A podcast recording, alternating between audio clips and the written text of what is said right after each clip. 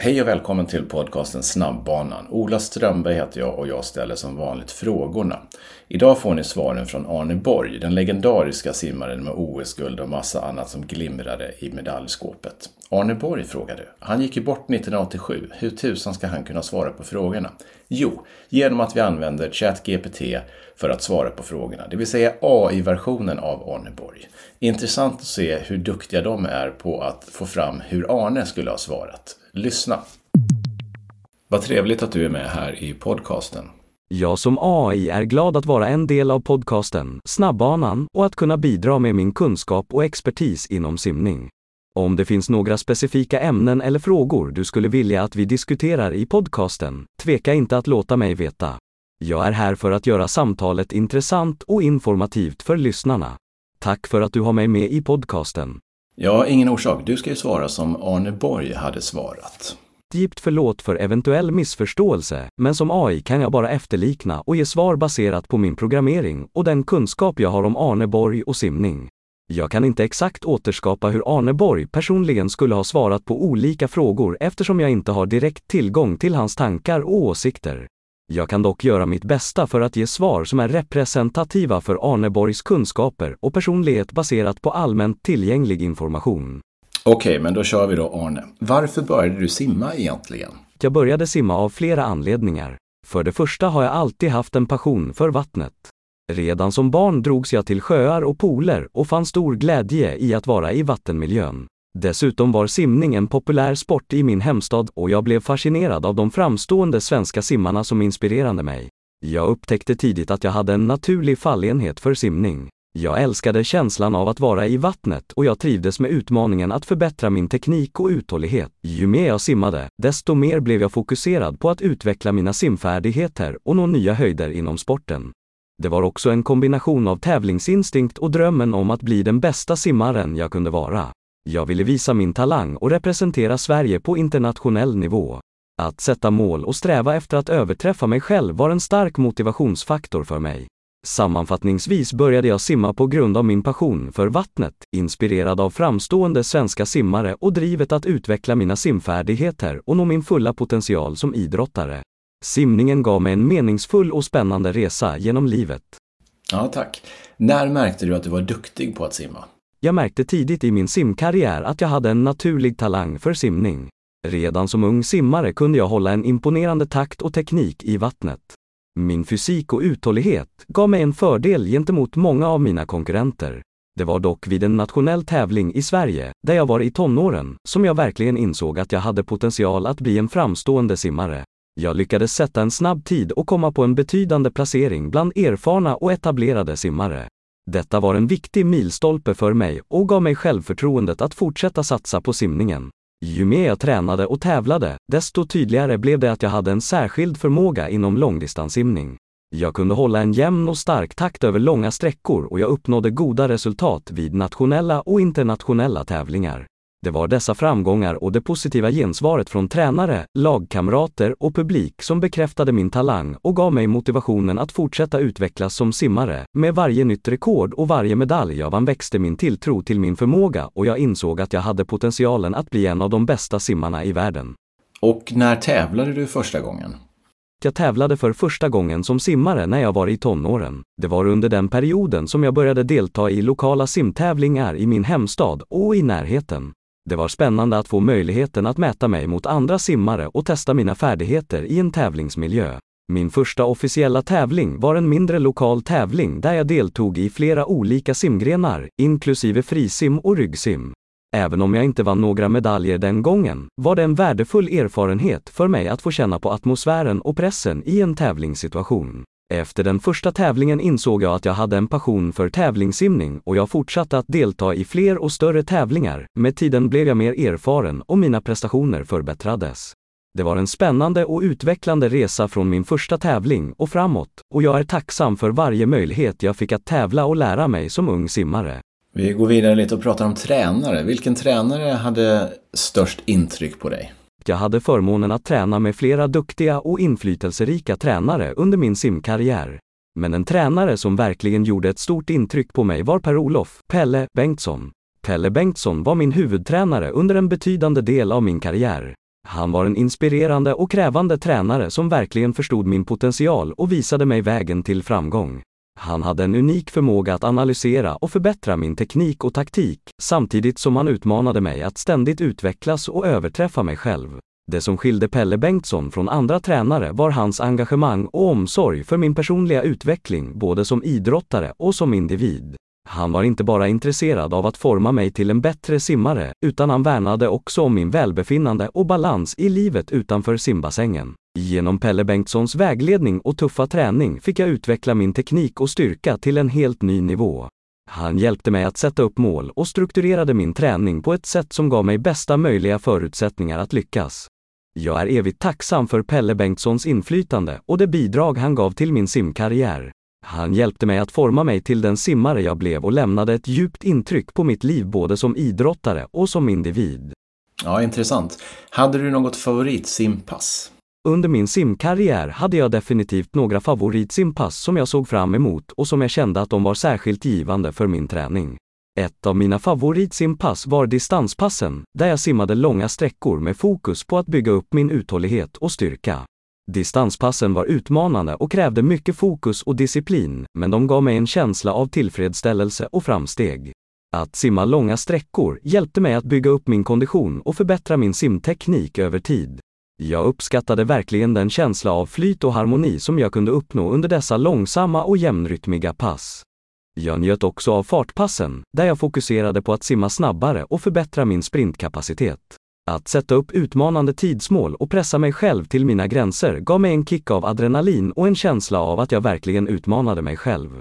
Men det viktigaste var variationen i min träning. Genom att ha olika typer av pass, från teknikfokus till intervaller och simning i olika stilar, kunde jag hålla träningen rolig och motiverande.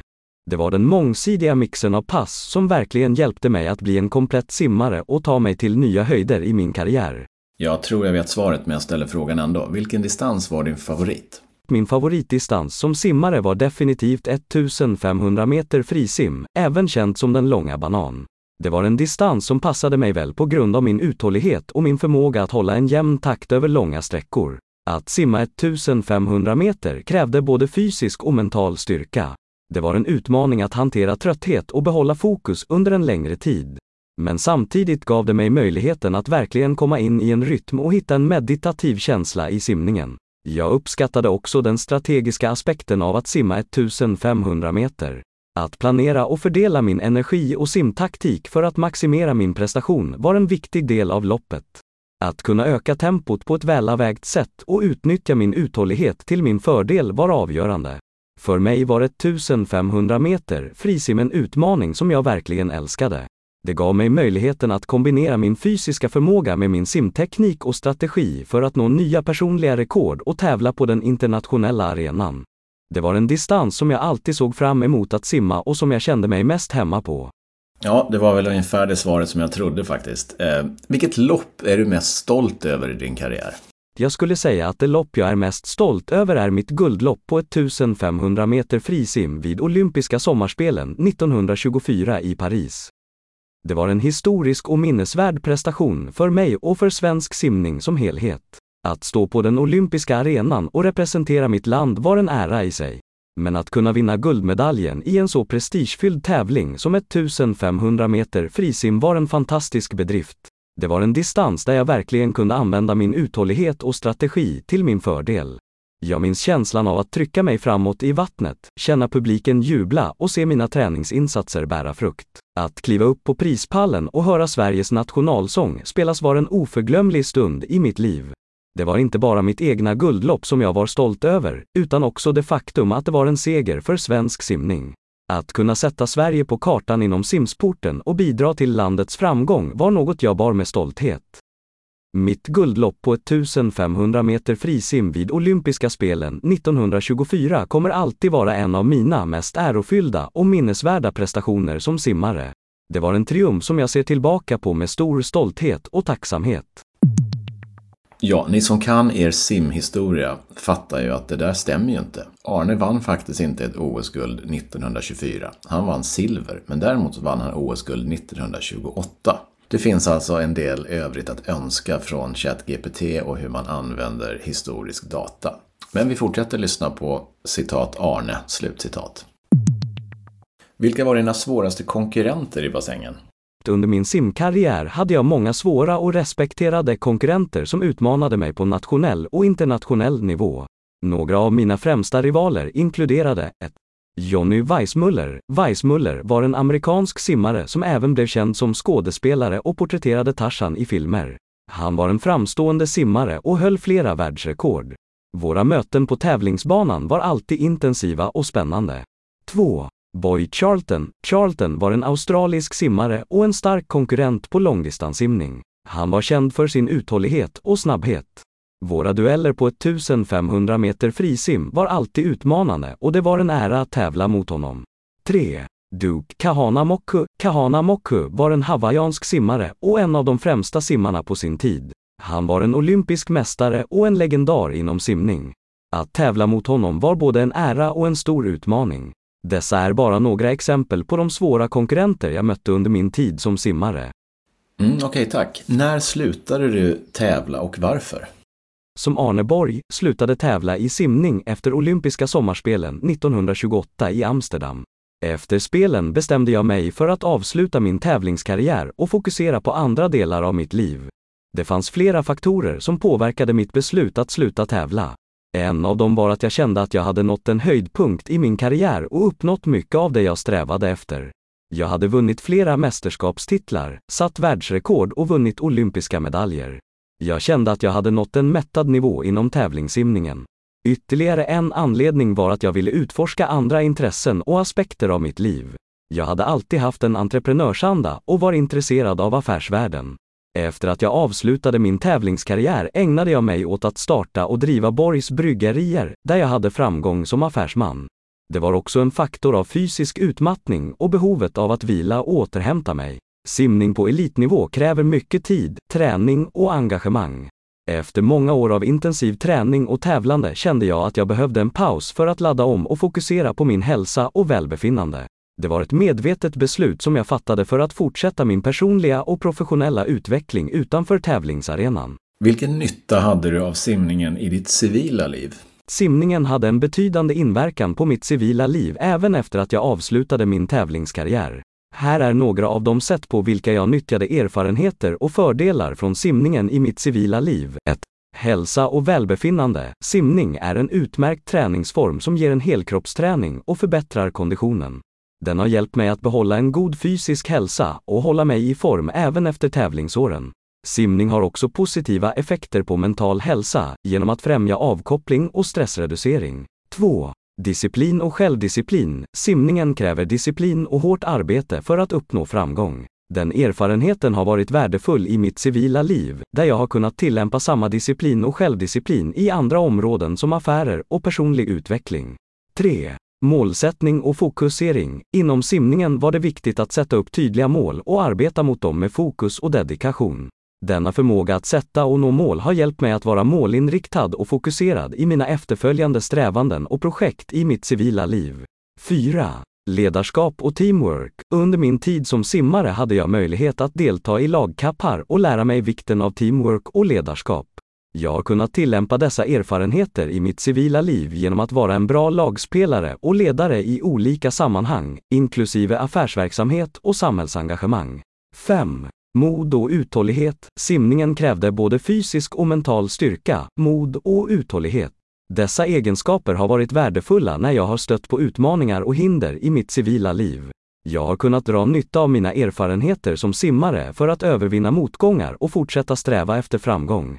Det har varit en grundläggande del av min identitet och har format mig som person även efter att jag avslutade min tävlingskarriär.